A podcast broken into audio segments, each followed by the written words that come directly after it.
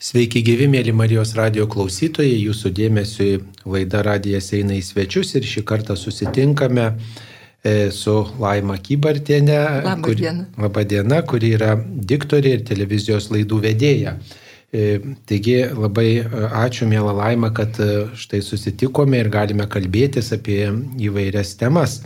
Pirmiausiai turbūt reikia mm, pasakyti, kad jūsų balsas labai malonus ir tinka ir televizijai, ir radijui. Taigi klausytojai turės didį džiaugsmą ne tik turinio klausytis, bet ir labai gražaus jūsų balso. Dėkui. Bet pirmiausiai galbūt priminkite šiek tiek apie save, nes galbūt yra žmonių, kurie nelabai žiūri televizoriaus ir nelabai domisi kitom informavimo priemonėmis. Truputėlį papasakokite, iš kur esate kilusi, e, kur baigėte mokslus. Šiaip tai aš esu tikra Vilnietė, gimiau Vilniuje Antakalnio klinikose ir gimiau gruodžio mėnesį, kai buvo pusnynai labai šalta. Ir tėtis mane ant rankų iki Oginskio gatvės ir atsinešė, sakė, nešiau savo dukrytę pirmą per pusnynus, esu pirmagimė šeimoje. Va ir tėtis man sugalvojo vardą Laima. Va, tai esu Vilnietė, tai ir mokslus baigiau Vilniuje, niekur kažkur nevažiavau. Nu, va ir mokyklą Vilniui baigiau ir 41 ir 22 antakalnių mokiausi. Va, muzikos akademiją esu baigusi Vatslovo Daunoro vokalo klasę. Tai kaip ir dainininkė turėjau būti, bet va. Sako, žmogus planuoja, o Dievas, dievas veda ten, kur, kur žmogus, žmogui bus tinkamiausia, nes tik Dievas mato, kur yra geriausia. Kiek visokių norų gyvenime būna, kiek ir puikybė veda, ir, ir, ir įsivaizdavimas, kad ten galėsi save realizuoti, bet kartais ateina tokie pasikeitimai, tai va taip ir atėjo pasikeitimai, sutikau savo vyrą, amžinatilsi muzikos akademijoje, o jo tėtis e, diktorius.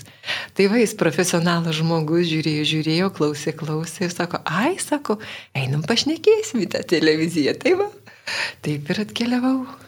Ar labai jaudinotės, kaip teko pradėti televizijoje dirbti? Man atrodo, kad jau sėdėti prie mikrofono nemažai žmonių yra toks iššūkis, o štai prieš kameras dar jūs ir matėte sovietinės kameras, kurios Taip. tokios didelės buvo ir ten reikėjo turbūt labai, nu, ypatingai ten pasitemti, na, kad tiesiog tinkamai galėtų žmonės matyti per televizorių gražų žmogų. Ar labai jaudinotės bent iš pradžių? Ką jūs labai jaudinausi, begaliniai. Mane vidury nakties prikelk, tai aš tau anonsą mintinai pasakysiu, nes sovietų laikais būdavo taip, kad dieną prieš jau mes gaunam visus anonsus tarp laidų, ką turėjome sakyti ir aš ilgai juos mokydavausi mintinai. Man kibertas parneždavo iš darbo tos anonsus ir kitą dieną žinodavau, kad man darbas, tai aš juos iškaldavau ir nebuvogi suflerio, turėjai sakyti ir nedaug dievė vieną žodį iš šono arba kažką ne taip. Tai įtampo streso tikrai buvo daug, bet vis vien kažkaip po truputėlį per metus, dviejus, trejus įsivažiuoji, atsipalaiduoji, pradedėjus malonumą, nes iš tiesų, kai žiūri į kamerą, taigi ir dabar žiūri į kamerą ten tas stikliukas ir pajusti, kad už to stikliuko yra visa Lietuva arba tie žmonės, kuriuos tu myli ir kurie tave priima net ir įsitempusią ir klumpančią visai, tai nėra tai toks lengvas dalykas, tam reikėjo laiko, bet matyt taip turėjo būti, nes aš labai gerai jaučiausi televizijoje. Tik atvėrus televizijos duris, dar kol nebuvau diktorė, kadangi karts nuo karto eidavau į televiziją, ten mano uošvis ir amžinatelsi ir, ir Anita mano ten dirbo, ir po to vyras mano lengvosios muzikos orkestre. Tai ta televizija man kaip antri namai tokie, kol dar aš nedirbau. Tai aš visada praverdavau didžiasias televizijos duris, kur koridorius toks didžiulis buvo, ten pat kavinė ir šurmuliuoja, ir režisieriai vaikšto, ir visi žmonės, laidų vedėjai, ir redaktoriai. Aišku, aš nežinojau, kas jie tokie, e, už kadrų žmonės dirbantis, bet jie man buvo visi ypatingi. Visi ir žvilgsniai jų, ir kaip jie vaikšto, aš jų žiūrėdavau. Tai ta televizija man tokia buvo kažkokia išskirtinė vieta. Ir po to, kai pati atėjau, tai va, kažkaip Ir įėjau, įplaukiau, įaugau į tą žemę televizijos. O tas darbas televizijoje toksai turi tam tikrą iššūkį, ne tik tai yra darbas, ne tik tai reikia, na taip, gerai kalbėti, gražiai atrodyti, viską taisyklingai atlikti, bet tam tikras iššūkis turbūt ir išėjus iš televizijos, na, palikus tas darbo valandas mhm. turgui, parduotuviai, gatvėje, jūs turbūt atpažįsta, užkalbina žmonės, kaip jaučiatės, štai kai, kai esate toksai žmogus, kur tarsi ir tas privatus gyvenimas, gyvenimas toksai, mm, nu, gatvėje yra matomas kitų, kažkas pastebi, aha, gal nužiūri ar kažko paklausia, ar kažką, kažkokią repliką pasako, nieko dėl to nepergyvena. Tai pergyvenu tai visą laiką dėl visokių dalykų, bet iš tikrųjų taip, tele, darbas televizijoje tai yra gyvenimo būdas. Ypatingai tų žmonių, kurie yra matomi eteryje, jie tampa gyvenimo būdu. Todėl, kad nesvarbu, ar aš, ar kitas žmogus, kuris dirba eteryje, net kitą kartą ir radijoje iš balso žmonės atpažįsta, tai ar stovi parduotuviai, ar supykus ten kažką gali išnektelti ar pasakyti, tai jau tu esi nebe paprasta laima, bet ta laima, kuri televizijoje dirba Žmonės linkia idealizuoti arba žmonės linkia ten truputėlį pašiepti, tai ta, per tą reikia išmokti perlipti. Va, bet man labai padėjo, va čia grįšiu prie tikėjimo ir prie Dievo, man labai padėjo perskaitytas kažkur sakinys, būkite budrus, nes jūs visada matomi. Dievas visada mato ir, ir kažkur perskaičiau, kad tu esi tikras tik tai tada, kai tu elgiesi taip, kai tavęs niekas niekas nemato, kai esi pati su savimi ir taip, kaip tu elgiesi, tai tokia tu ir esi. Ir aš pradėjau apie tai galvoti, kad iš tikrųjų kartais būna, ai, tai ten namuose, ten tai prisišiaukšlini, tai, tai, tai, tai šeimoje kokį grubesnį žodį lepti, ten kažką tai tokio. O po to galvoju, nu, nu kaip, kaip kam savo patiems artimiausiems grubesnį žodį pasakyti, ar ten įskaudinti, net nepajunti, atrodo, ką čia, ar balsą pakeli va taip, va. Vėlgi nesistengi, kad ten būtum visą laiką pirštų galiukus su savo saviškiais, natūraliai viską, taipgi būna visko, bet ir ačiū Dievui, bet kad neįskaudint savų, nes kai savą įskaudini, taigi pirmiausia pati save įskaudini. O Dievas sako, būkite budrus ir mylėk save, nes aš ilgai nesupratau, ką tai reiškia mylėti save. Tai čia puikybė, čia jau aš maždaug save myliu, o jūs jau čia maždaug visi kiti, tai jau čia prie manęs, jau kiek būsit, kiek ne. Mylėk save, tai reiškia mylėk kaip mylėk kitą kaip patį save. Tai kol supratau tikrą prasme šito žodžio, tai mano visas gyvenimas jam praėjo. Tai va. nu, jūs prakalbote apie Dievą, štai tikėjimas jūsų keli e, visada buvo nuo pat mažų dienų, ar, ar buvo kažkoks ženklas, įvykis, nu, po kurio jūs labiau atradote Dievą? Matot, aš augau kaime vasaras e, pas močiutė seserį Ir mes eidavom į Kirikštonių bažnyčią. Ir aš mane kaip išveždavo gegužę, tai taip, rūpiučio pabaigoje ir parsiveždavo. Tai Čia Zukijoje. Zukijoje, taip, taip. Miškai mes uogaudavom, grybaudavom, tai va, va ir, ir mėlynių ten, ir žodžiu, ir karvės ganydavom tais laikais, kaimas sulyčia buvo, taigi surenka visas karvės, vaikai ir visai dienai į mišką. Ir ašgi miestietė miesčionkagi su jais visais eidavom. Linksma buvo mano vaikystė tokia labai graži Zukijos kaime, o sekmadieniais šventas reikalas ir mūčių močiutės sesuo, jinai Vesdavosi krikštonių bažnyčią man mus. Ir jeigu jau per savaitę esi bjauri, kokia, o aš buvau labai neklusni mergaitė, tai tada sakydavau, tai va, laimut vaikel, neįsi bažnyčio, mes eisim, o tu neįsi. Ir vieną kartą taip yra buvę, man to užteko, aš jaučiausi, man buvo didelis bausmė, jeigu manęs nesiveda į bažnyčią. Nežinau, kodėl man ten patikdavo. O po to kažkaip tai išaugai, paauglystė, miestas, mokslai ir bažnyčia liko kažkur toli, toli šonė, užsimiršo ir, ir maldos užsimiršo ir viskas ir kažkaip nukeliavo keliavo į tolumą. Bet, va, ką aš irgi išmokau per savo gyvenimą, kad grįžti prie Dievo tada, kai, kai, kai yra taip sunku gyvenime, taip sunku ir, na, nu, tiesiog Matyt, toks mano charakteris, aš nelinkus apkaltinti kitų.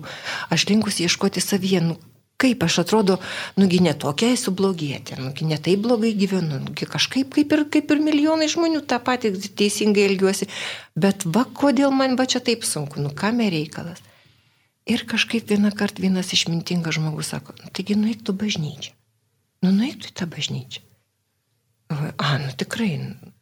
Ir kažkaip gavosi sekmadienį, ėjau, kojos nuvedė į Bernardinus ir pataikiau į Juliaus Asnausko pamokslą. Pamokslas buvo apie šeimą, apie supratimą vienas kito. Visą pamokslą praverkiau krūvino mašarom, nubėgo visas mano tušas. Ir šalia mane aš tikrai sėdėjo tokia mučiutė, jau esu pasakojus. Kitose vietose apie tai kažkaip kartojasi. Maža mučiutė tokia baltais plaukais, aš čia verkiu ir, sustab, ir sustot negaliu. Ir jinai paėmė mane už rankos ir suspaudė. Net nežiūrėjo mane, tiesiog paėmė už rankos ir suspaudė. Ir aš supratau, kad nu, aš atėjau į Dievo namus ir aš galiu verkti, aš galiu daryti, aš atsipalaidavau, aš galiu verkti. Aš galiu būti negražiai, raudona nosim, kaip ir dabar susijaudinu. Ir mane priims ir manęs nenuteis, nesakys, kad ką tu čia televizijoje dirbi, tai tu čia turi būti visada pasitempus. Ne, mes visi žmonės ir prezidentai, ir visi verkia. Ir jeigu gali sauliaisti ir, ir, ir verkti, ir suklysti, svarbiausia išmokti atsiprašyti, o Jėzu atsiprašau. Nu, ir puikybė užėjo, ir durnystės prikalbėjau, ir visokias. Pačiai savo pirmiausia atleist, tai už žmonės šalia esantis, matydami tavo nuširdumą atleis. O jeigu jie pasmerks, taigi Dievas akmenys jiems ant galvos sudės, o ne tu, neteis kito. Tai va taip ir išmokau. Ar sunku savo atleisti kartais tokias kvailystės padarytas arba broką darbę arba dar kažką, kad kažką netai padariau, netai pasirinkau. Kiek, kiek graužėsi, oi kiek graužėsi. Ir pati su savim kalbi viduje, oi kokie žioplan ir kaip, nu ir kaip nesusikaupiai ir tą turėjai ir tą. Taigi, ne, taigi žinai, kaip reikia. Taigi ir viskas, nu mano toks darbas truputėlį. Bet aš dabar sveikinimus vedu arba loterijos perlas laidas vedu. Ir mano tikslas būti nuoširdžia, tikra. Ir kartais, arba, pavyzdžiui, kaip diktorė dirbau irgi, vat, tas, kad būtų nuoširdumas, bet kartais va, ir interviu, ypatingai, kai laidas pakviečia arba kažkur, į baisiai norisi būti išmintinga, labai jau gražiai sušnekėti, viską baisiai norisi, kartais ir nusišneki, va taip ir pati savo na, žiopla, šio. Ne, viską, jeigu išėjo ta žodis, aš pati save įtikinau ir man tai padeda. Nu, nusišnekėjai, nu kažką atrodo neteisingai ar kvailai sušnekėjai. Dievuliu, nu ko tu graužiasi, kad kitas tave dur nepavadins? Taigi kitas tik apie save kalba. Tai man irgi vienas išmintingas žmogus. Žinok, jeigu kalba kitas tau kažkokius blogus dalykus, jis ne apie tave kalba. Jis apie save kalba. Atleisk jam. Na va, ir kažkaip va, taip iš kitų išmokau apsisaugoti nuo tų apkalbų, nes tikrai apkalba labai daug kas, o su savimi tai va visą gyvenimą ir kalbi vidui ir šnekėsi, kad atleis, nu tai, nu tai va daryk išvadą, susijimk, to, toj vietoj taip reikia elgtis, nu ir va taip, ir tariesi visą gyvenimą su savimi, va taip. Toks ir labai gražus vardas laima. Turbūt tos laimės patirties jūsų gyvenime tikrai buvo daug taip, ir yra daug. Taip, iš tikrųjų labai daug. O man Dievas, tai sakau, davė labai daug ir su auksiniu, ant lėkštutės auksiniu krašteliu apvedžiota.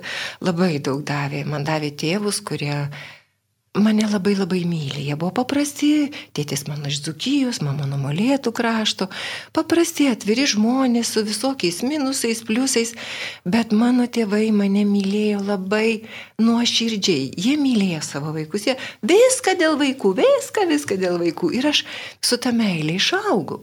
Netobulą meilę, bet tai buvo meilė tėvų.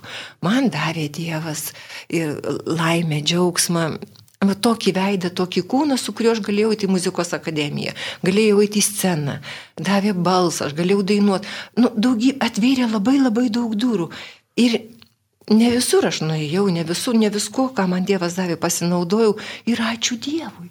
Jis atveria, nes tai yra stebuklai. Vat, man davė supratimą, kad vat, aš tau atveriu daug, daug durų, o tu eik, bandyk ir daryk, ir kur tai gausis, tai bus tavo.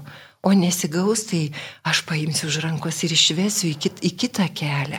Tai va tą, tą supratimą davė, tai irgi dovana. Man Dievas davė mm, davė nuostabius vaikus, dvi dukras mano, kurias aš labai myliu ir, ir labai džiaugiuosi, kad mano dukros ne iš tų, kurios labai nuolankios, ar ten būtų labai jau ten mamytė, mamytė. Taip, jos mane vadina mamytė, jos mane labai myli ir nekartą davė per gyvenimą įsitikinti, kad mano vaikai mane labai myli.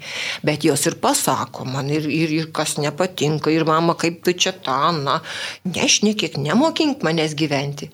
sako man dukra vyresnė. Mamit, man reikia, kad tu mane išklausytum, ba mane erzina, kai tu mane mokai, kaip aš turiu gyventi. Ir aš išmokau už savo vaikų, kad pirmiausia reikia išklausyti.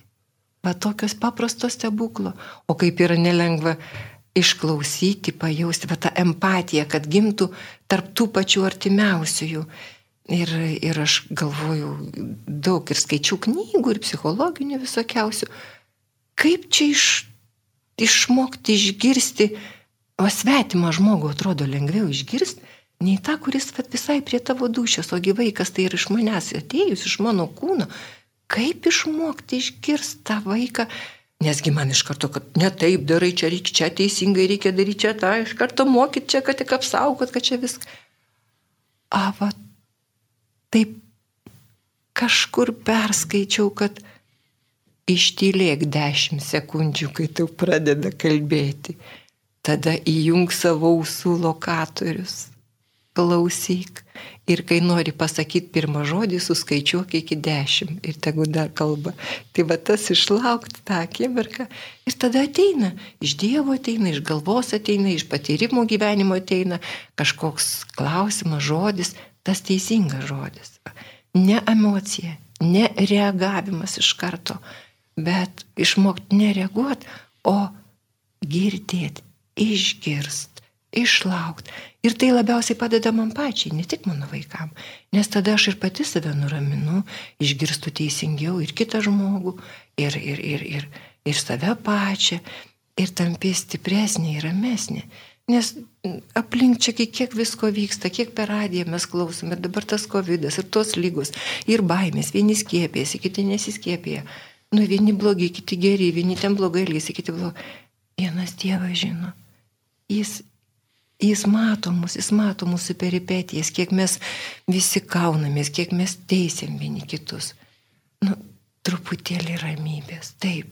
Ir tas, kuris piktas, kuris nelaimingas, kuris protestuoja, gal jis truputėlį savo tą pyktį ir ištirpins savyje, kai jis pamatys, kad norima jį išgirsti gal net leisti už jo pykti, bet norima jį išgirsti. Ir žinot, man į galvą dabar atėjo toks vienas stebuklas. Jokubėninės Danutės laidoje veidrodis buvo kažkada seniai seniai. Ir jos laidą atėjo vienas žmogus, žylas vyras, sako, aš atėjau prašyti atleidimo savo sūnaus žudikui. Jūs, ga, jūs girdit, prašyti atleidimo savo sūnaus žudikui. O kodėl į laidą atėjo ne į bažnyčią, pavyzdžiui? Tai, bet kad išgirstų Lietuva, nes tą žudiką teis, teisme, jiems įteis už, už, už, už, ten netyčinis įvyko toksai dalykas, žodžiu, išvažiavo jo sūnus ten kelyje su dviračiu ir išvažiavo staigiai iš sodų kelio jaunas vyras, partrenkė ir užmušė su dviračiu važiuojant tą jauną. Ir, žodžiu, jam teismas tam jaunam vyrui. Ir tėvas sako, žinot, sako, dabar jam eina teismas, o jisai jaunas tėvas, jisai geras žmogus. Sako, jisai turi dvi mergaitės, augina du vaikus. Jūs įsivaizduojat, jūs pasodinsit mergaičių tėvą į kalėjimą ir mergaitės užaugs sužalotos be tėvo. Mano sunaus nesugražinsit. Bet į Dievas pasiemi, Aš tą atsimenu, nes man tai yra tikrai va, toks, tuk, sako, jį Dievas pasiemė, bet mano, mano reiškia, ir ten anūkė liko, reiškia, vaikaitė liko to, to, to jo sunaus. Sako, bet mano vaikaitė turi mūsų senelius ir mes mylim ir jinai mūsų globoje užauks ir mes turim savo vertybės ir jinai išmoks aukti, bet jie, mes pripildysim, o ten dar ne visai brandi šeima, dar jiems reikia, kad tėtis būtų šalia ir kad žmonas. Mes sudraskysim trijų, tarp metų mergaičių ir žmonos, iškai trijų žmonių gyvenimą, keturių ir to vyro. Aš prašau, kad teismas priimtų išmintingą sprendimą. Ir jisai jėterį tą kalbėjo. Tai sakau, ar čia ne Dievo stebuklas? Čia Dievo stebuklas. Aš nežinau tiesą, kaip tai visą tai baigėsi, bet man tai buvo, tai buvo tokia pamoka, kad tam, kuris tave įskaudina arba tau padaro kažką blogo, tai pirmiausia tas yra nelaimingas, kuris tai padarė. Ir tada man lengviau gyventi, aš randu savyje stiprybę keliauti per gyvenimą ir, Ir, ir, ir kai labai nesiseka, ir kai sutinki su piktai žmonėmis, kai su nesėkmėjim, kai daug bėdų ateina į šeimą. Nu, vat ir dabar, vat, mano mamos toks išėjimas, stebuklingas laikotarpis yra, kai atrodo, uh, sunku labai labai labai ir yra ką apkaltinti, yra iš ko paprašyti ir negauni ir tada vėl pyktis. kaip su tuo susitvarkyti. Va čia ta viltis ir tas tikėjimas labai labai padeda. Čia Dievo stebuklai vyksta, kai tu susitvarkai. O ar galim taip sakyti, kad tie sunkumai, kuriuos patiriam, arba tie žmonės, kurie mums kartais kažką blogą padaro, gali būti vartais e, į Dievo atradimą? Tie sunkumai gali būti, na, tokia nuolankumo pamoka, kada ieškau pagalbos, pas kitą prašau pagalbos. Tik tai taip. Tik tai taip. Visi mes Dievo vaikai. Ir Dievas niekada, jis, o kaip žmogau tu išmoksi kažko tai ne per pamoką. Dievas bara, mokina, net ne, nu kaip sako, Dievas nebara, Dievas nebaudžia, bet jis visada tau duoda pamoką. Ir jeigu tos sunkumus ir tos piktumus, kurie visa, kas ateina į tavo gyvenimą, nebe Dievo žinios. Ir jeigu tu tai pajausi, ir jeigu tuo patikėsi, rasis viltis, ir kai tu žinosi, atėjo Aš dirbau su onkologiniais vaikais, aš kalbėjau su mamomis, kurios išlydėjo savo vaikus, laidoti vaikus nėra baisesnio skausmo žemėje. Tai jos sakė, kodėl man, už ką, už ką. Ir kai va čia, tu turi atsivertimas ateina toks, nebe Dievo, Dievas viską žino. Nei vienas plaukelis nuo tavo galvos nenukris.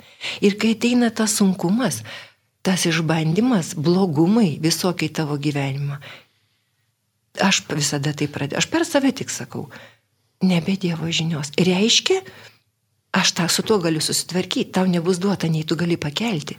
Vadinasi, aš savyje turiu potencialo su tuo susitvarkyti, kad nesužeisti kitų, o pačiai sustiprėti. Tai yra tų daug posakių, kas mūsų nepražudo, tas mūsų stiprina, galim rasti išmintingų žmonių visokių. Bet tie posakiai turi užgimti tavyje, jie turi tavyje duoti sėklą, o tada tu pradedi žydėti ir gyventi, tada tu nesuklumpi. Ir kai patiki, kad va, tas sunkumas, kuris atėjo, tai tau pamoka, ir priemi kaip pamoką ir ta pamoka tave augina ir ugdo. Ir tik visada yra Dievo vartai. Visada atsiveria ir arba eini, bandai, žiūri ir susitvarkai su ta problema. Nu, aš turiu daug visokiausių pavyzdžių, bet jie yra mano asmeniniai ir kitiems žmonėms, kai mes čia per radiją kalbam, gali netikti. Bet, vat, nu, nu kaip pasakyti, bet, nu kad ir dabar, bet pavyzdžiui, atversiu tokią mažytį dalyką, bet mano mamai 90 ir jinai ir Alzheimeris, ir demencija, ir visokių tokių sunkių dalykų, dievuliau, dievuliau kiek.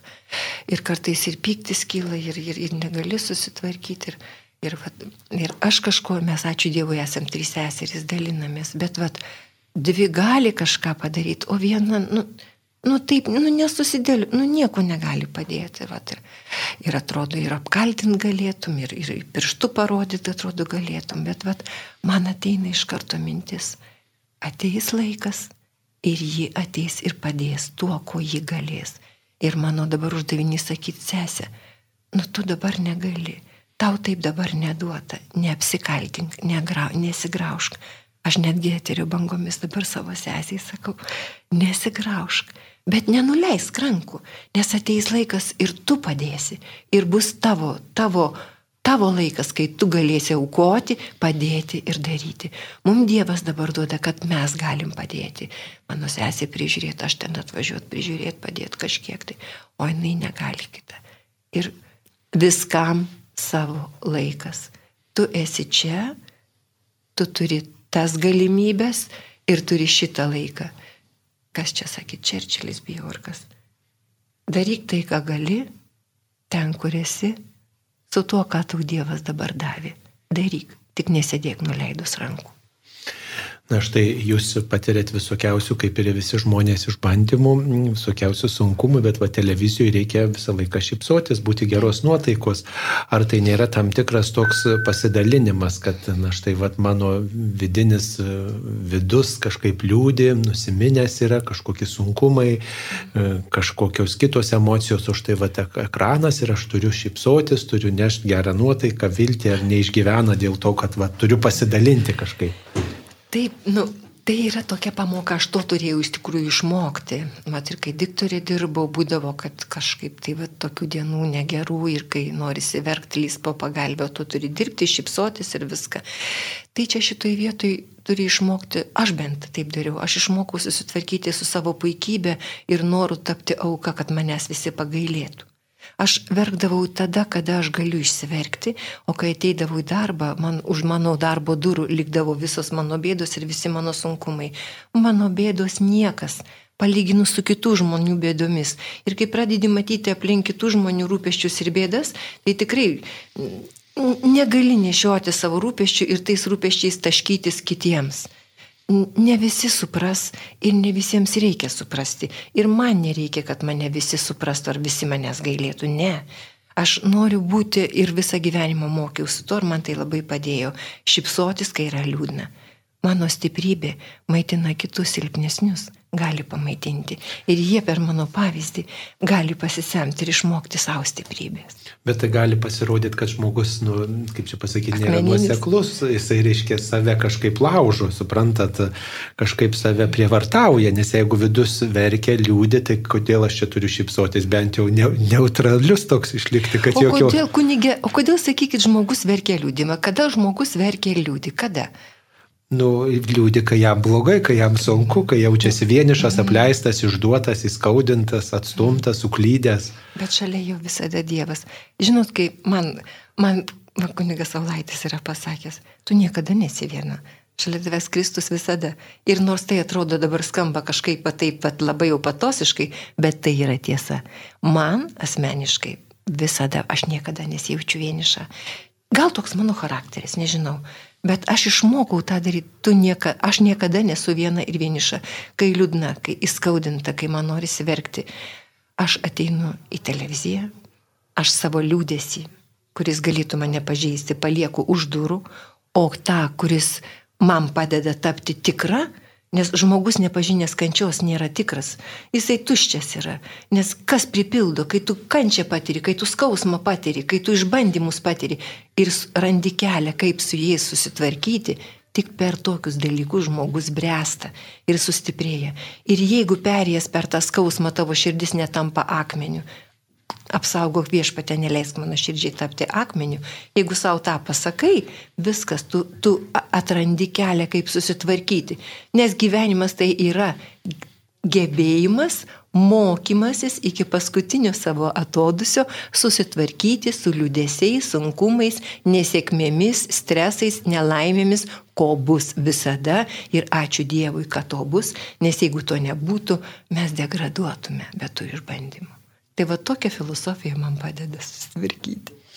O kaip jūs štai elgėtės su tais žmonėmis, kurie, na, galbūt kažkaip piktai atsiliepia apie jūs, ar, nu, kažkaip pavydė galbūt kažko, arba, arba kažkaip nepriima jūsų pozicijos, arba kritikuoja, ar susitinkat su tokiu žmo, taip, žmonių? Taip, esu sutikusi ir daug žinučių, gavusi daug visokiausių tokių, taip. Tiesiai į veidą ne visi drįsta pasakyti, mm, bet... Taip, už akių. Taip, už akių. Na ir kas?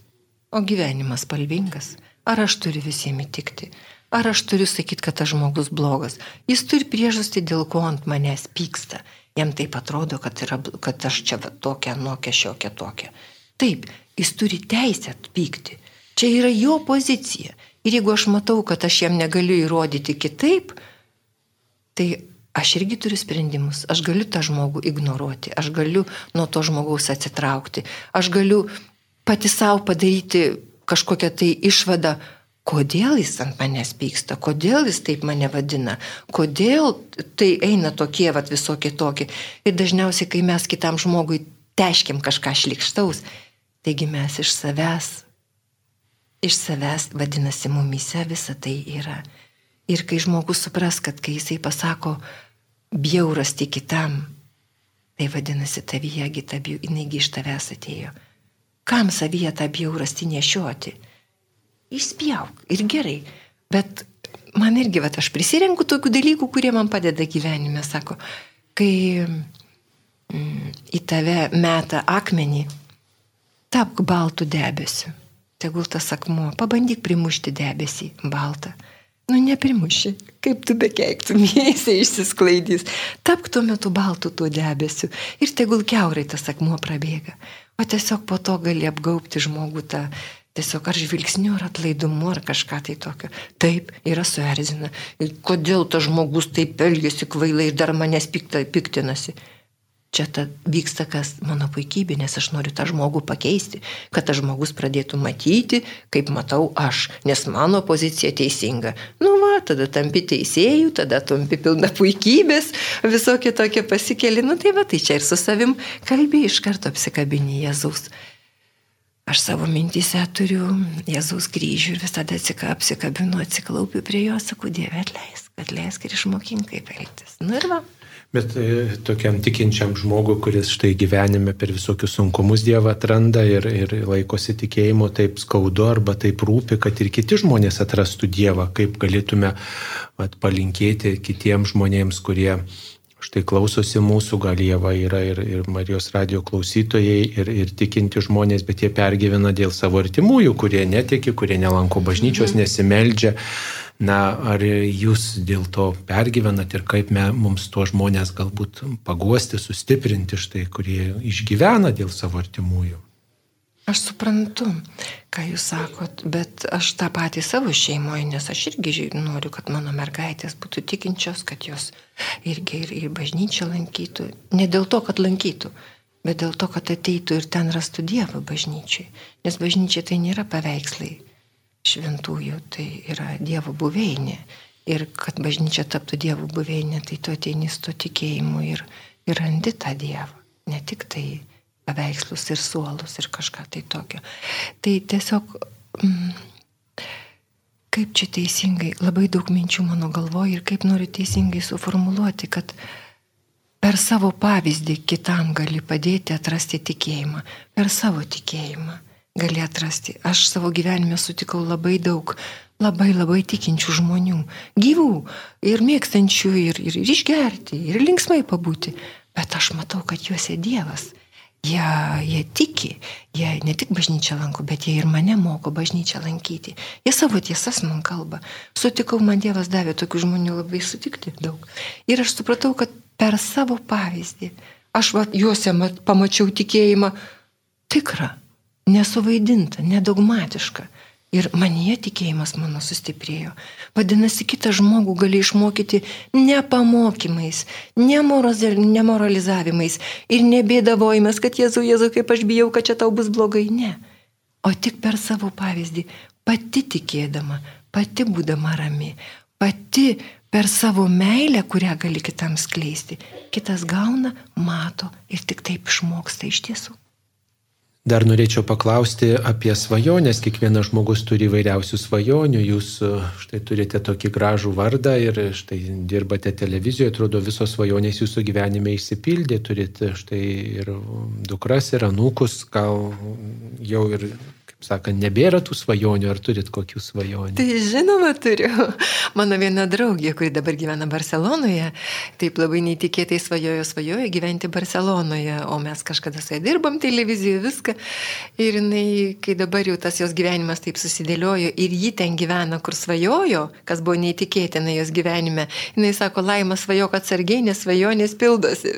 Va, iš tikrųjų, ir aš iš tikrųjų gavau viską, ką svajojau. Ne viską, ką svajojau, nes vis tiek tos žmogaus materialios svajonės yra tokios, ten nori turėti, ten, sakykime, darbą, realizuoti savo, kad būtum reikšmingas žmogus ir visuomenė, ir šeimoje, kad būtum sveika, kad, kad, žodžiu, tų pinigų uždirbtum tiek daug, svajoji, nuvažiuoti aplankyti šalis ir kažkur, kai nesigauna, nenusivilti, kad nesigauna. Va.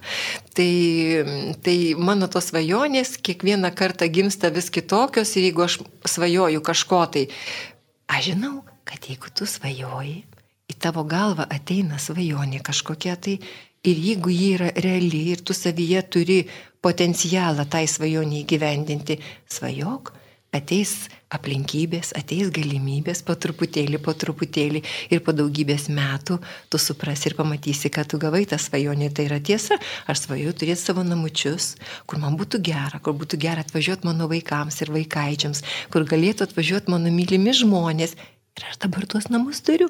tokius, kokių norėjau. Gal ne visiškai idealus, bet ir ačiū Dievui, nes gyvenimas nėra idealus, mano svajonė išsipildė, ko aš norėjau vairuoti automobilį ir jeigu tai prieš kokius 30 metų manęs paklaustum, nu ar tu turėsi automobilį, oi ne, aš neuždirbsiu mašinai, aš nemokėsiu, aš bijosiu mašiną vairuoti, mieste tiek daug automobilių, visa kita. Bet po truputį, po truputį taip sudėliojo situacija, susidėliojo, kad aš turėjau sėsti už mašinos vairo, nes aš norėjau važiuoti į sporto klubą, aš norėjau lankyti darbę, suspėti į darbą, man viską reikėjo suspėti. Ir kitaip nesuspėsi, kaip tik automobiliu. Ir aš pradėjau mokytis vairuoti ir, aš, ir kažkaip pavyko ir tai mašinai tų pinigėlių įsidirbti ir vairuoti. Ir, ir ba, pildosi tos svajonės. Tai va. o jūsų laisvalaikis, kai dirbate televizijoje, turbūt nelabai lieka tam laisvalaikiu, ar turit kokį pomėgį? Nu, šiuo metu tai įdomiai taip, aš to laisvalaikio taip vadinamo visiškai neturiu ir mano laisvas laikas yra tada, kai aš galiu daryti tai, ką aš noriu, jau nebereikia niekur bėgti. Mano laisvalaikis tai yra, kai aš galiu knygą skaityti, kai aš galiu tiesiog išeiti pasivaikščioti arba eiti sporto treniruotės į savo sportą, tai yra mano malonumas labai didelis. Tai vad jeigu ištaikau 3 valandas per savaitę, tai yra labai labai gerai, jo nes šiaip aš išmokau ilsėtis per penkias minutės, kai nieko nereikia galvoti. O tu turi penkias minutės ir, o, per, seku, per, ta, va, per tas penkias minutės ir pailsi. Va, nes e, aš savo laisvalaikį, kai mano vaikaičiai, jeigu sako, močiutė, aš labai noriu atvažiuoti pas tave, ar galiu atvažiuoti. Ir jie pas mane atvažiuoja ir būna, net kai aš darbuose būnu, jiems gera mano namuose ir mano visas laisvalaikis, kai aš grįžtu į namus, yra skirtas jiems bendrauti su jais, kalbėti su jais, aiškintis, suteikti jiems malonumą, džiaugsmą. Va, aš atiduodu jiems savo laisvalaikį ir man yra labai gerai dėl to. O nebijot, kad namus apjauks? Ne, nebijau. Jie, jie žino, kad namuose, yra namuose tvarka, kurios reikia laikytis ir jie viską apjaukia labai sėkmingai, ypatingai mergaitės ištraukia mano visus batus su kalniukais, šalikėlius ten ir, ir fotosesijas daro ir visą kitą ir po to, aišku, jos apjaukia, bet kai aš grįžtu, Aš jas mokau, sakau, mergaitės, labai gerai, mačiute, galime ten tavo batelius ištraukti ir suknelės. Galit, bet žinot, kad tos suknelės ir tie bateliai, tai mes viską sutvarkysim. Ir jos mokosi tvarkytis, ne visada taip sutvarko, kaip aš norėčiau, bet ir gerai. Paprastai seneliai išmoko mm, savo anūkus, vaikaičius to, ko neišmoko tėvai. Ar su tuo susidurėt e, savo šeimoje, kad reikia kažko norėtumėte išmokyti, ko mama tėtis neišmoko jūsų vaikaičių, jūsų anūkų? Taip, mano vaik, mergaitės, aš jau sakiau, kad jos yra labai šaunios ir labai stengiasi daug ko mokyti savo vaikus iš tikrųjų. Ir aš, kai jas pasižiūriu, tai matau, kad mano mergaitės yra daug protingesnės, būdamos tokiam žiniai, aš tuo metu buvau iš tikrųjų. Savo vaikus daugybę dalykų moko, ko. Aš tik mokau savo vaikaičius neskubėti ir mokytis atlaidumo ir išgirsti vienas kito. Nes trys vaikai, kai šeimoje auga ir visi pametinukai, vos ne, nu, dvinukės mergaitės ir berniukas, 10 ir 12 metų, tai visiems vienu metu reikia vieno dalyko, visi vieni konkurencija baisiausia. Aš juos moku mylėti, suprasti ir atleisti, nes tėvai labai skuba ir jiems kartais nelieka laiko su vaikais pasėdėti, pasianalizuoti, kas jų širdelėse yra. Tai va, aš mokau vaikus ir vaikaičių savo, vaikaičius pagrindė, nes vaikų tai jau nebeišmokysiu išgirsti save ir e, savivertės. Savivertės tiesiog. Ne per puikybę, ne per tai, kad aš galiu kitam įrodyti, kad aš esu geresnis už tave, bet tiesiog, kad nesužeistų, nes dabar mokykloje vaikai vieni kitus pirštais rodo ir visai ten ir būna skaudu mergaitėms. Ir mokau jas nebijoti atsiverti man, Ne kitiems, bet man, nes aš esu močiutė ir man jos gali viską pasakoti.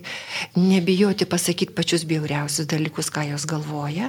Ir būna, kad mano vaikaitės man paskambina ir sako, močiutė, aš labai blogai jaučiuosi, aš noriu tam pasikalbėti, ar galiu? Ar turi laiko? Ir va tai yra deimantai ir tas yra brangiausias laikas mano gyvenime. Tai va aš jas mokau atsiverti tam žmogui, kurio pasitikė. Artimiausia. Tai po tuose pokalbiuose yra įterpėt tikėjimą, viltį, Dievą.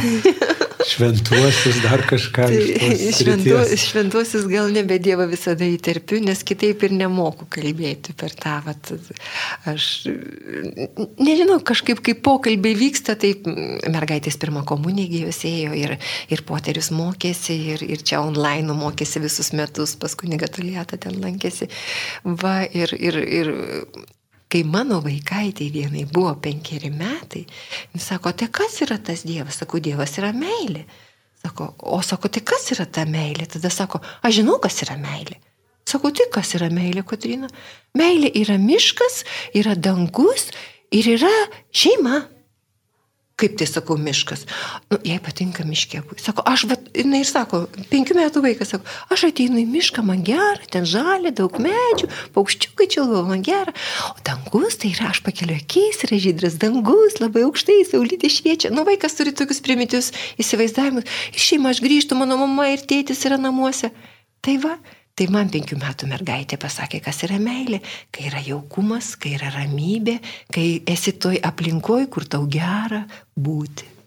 Bet, žinot, yra daugybė žmonių, kur neturi to jaukumo, kur, pavyzdžiui, šeima dėl kažkokių priežasčių nesusiklosti, arba kai, mm. kur toj šeimoje nėra gera būti, kur žmonės jaučiasi vieniši, um, nu, nešioja kaukės kažkokią šeimose, gal dar Taip. kažkokių Taip. problemų yra, gal tikrai kamuoja lygos ir kaip pat tada mm, surasti tą ramybę ir suprasti, kad Dievas yra meilė ir kad, nu, kad tikrai Dievas rūpinasi manim, kai, kai yra daug daug skausmo. Va, to, tokiais momentais turbūt didžiausias yra iššūkis išgyventi Dievo paguodą.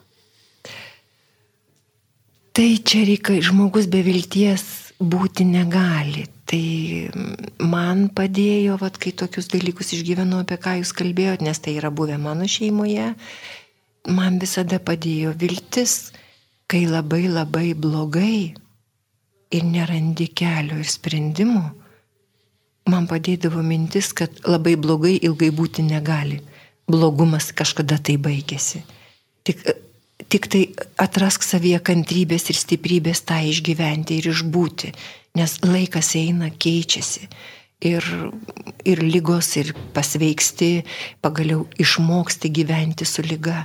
Ir jeigu šeimos subyra, ir jeigu e, kažkokios tai nelaimės į šeimą ateina, taip, bet už tave tau gyvenimas, Dievas davė gyvenimą tau. Ir tu už kitą gyvenimą nenugyvensi. Bet mokindamasis išgyventi ir išbūti tame skausme, išlaukti, Dievas neskuba. Išlaukim, išbūkim kiekvieną dieną. Vat kaip tie alkoholikai. Šiandien atsikėliau ir išgyvenau vieną dieną be to prakeikto gėralo. Ir jau nežinau, kaip bus rytoj, bet šiandien išbuvau. Šiandien išbuvau tame skausme. Išbuvau, neskubėk. Rytoj ateis nauja diena ir vėl mokysies išbūti. Tai va taip per kantrybę, per tuos išbuvimus ir tikėti, kad iš tikrųjų gyvenime viskas keičiasi ir blogai visą gyvenimą būti negali.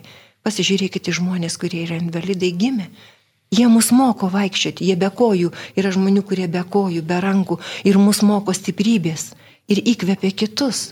Tai ar mums negėda, kai mes turim rankas ir kojas, turim, turim, turim, turim galvą, turim mintis, turim viską, dar žmonės šalia gyvus ir, ir dar beidavojam, kad mums blogai? Ne, turi rankas, kojas, turi sveiką protą, turi gyvenimą. Prask savyje viltį, nes viltis visada yra tavyje. Ugdyk, pradėk, iš savęs pagaliau pareikalauk. Kiek čia sėdėsi baloj visas? Verk teisingai, reikia išsiverkti, reikia parodyti, kad sunku, taip išsiverki, išsidraskai, bet paskui kaip tas Münchhausenas, griebk save už plaukų ir trauk iš tos balos, nes Dievas tau davė jėgą, į atsikėlį ir eini. O ko dar gyvenime norėtumėte išmokti, um, kaip sakyti, visokių situacijų turėjau, dar tikriausiai įvairiausių situacijų laukia, kokios savybės galbūt norėtumėte savo palinkėti, o kartu ir mūsų um, klausytojams, kad jie štai atkreiptų dėmesį į tą sritį galbūt. Va. Tai man dabar, va, kai jūs čia kalbate, atėjo toksai vienas posakis iš Biblijos pasaulis bus atiduotas romiesiems, to stebuklingo romumo, ramybės vidinės ne abojumo, ne abejingumo, bet vidinio romumo tokio. Tai per tą romumą ateina ir gali išmokti ramiai, romiai skubėti, romiai iš savęs pareikalauti, romiai eiti ir romiai mokytis visko. Romumo. Neramybės visiškai tokios, bet tokio romumo vidinio, tokio vat, kažkokio, kuris, matėt, va kunigas Saulaitį mes buvom sutikę prieš pat šitą. Tai jamegi jis vienas romumas, nuolankumas. O kiek išminties, kaip jisai sakė, galiu kalbėti be sustojimo, tik kad to laiko Dievas duoda. Taip, to romumo. Ir visiems linkiu to ramybės ne tos, kurie atima iš mūsų galimybę skubėti, ramybės tos, kuri mums suteikia stiprybę nepargriūti ir nesusižeisti. Ačiū, mėlai laimai, kad sutikote dalyvauti mūsų pokalbį. Tikrai viešpats te saugojus ir te padeda jūsų svajonėms įsipildyti. Ačiū. To linkime ir visiems Marijos radio klausytojams. Laima Kybartinė kalbino aš kunigas Saulis Bužauskas. Ačiū sudė. Ačiū sudė.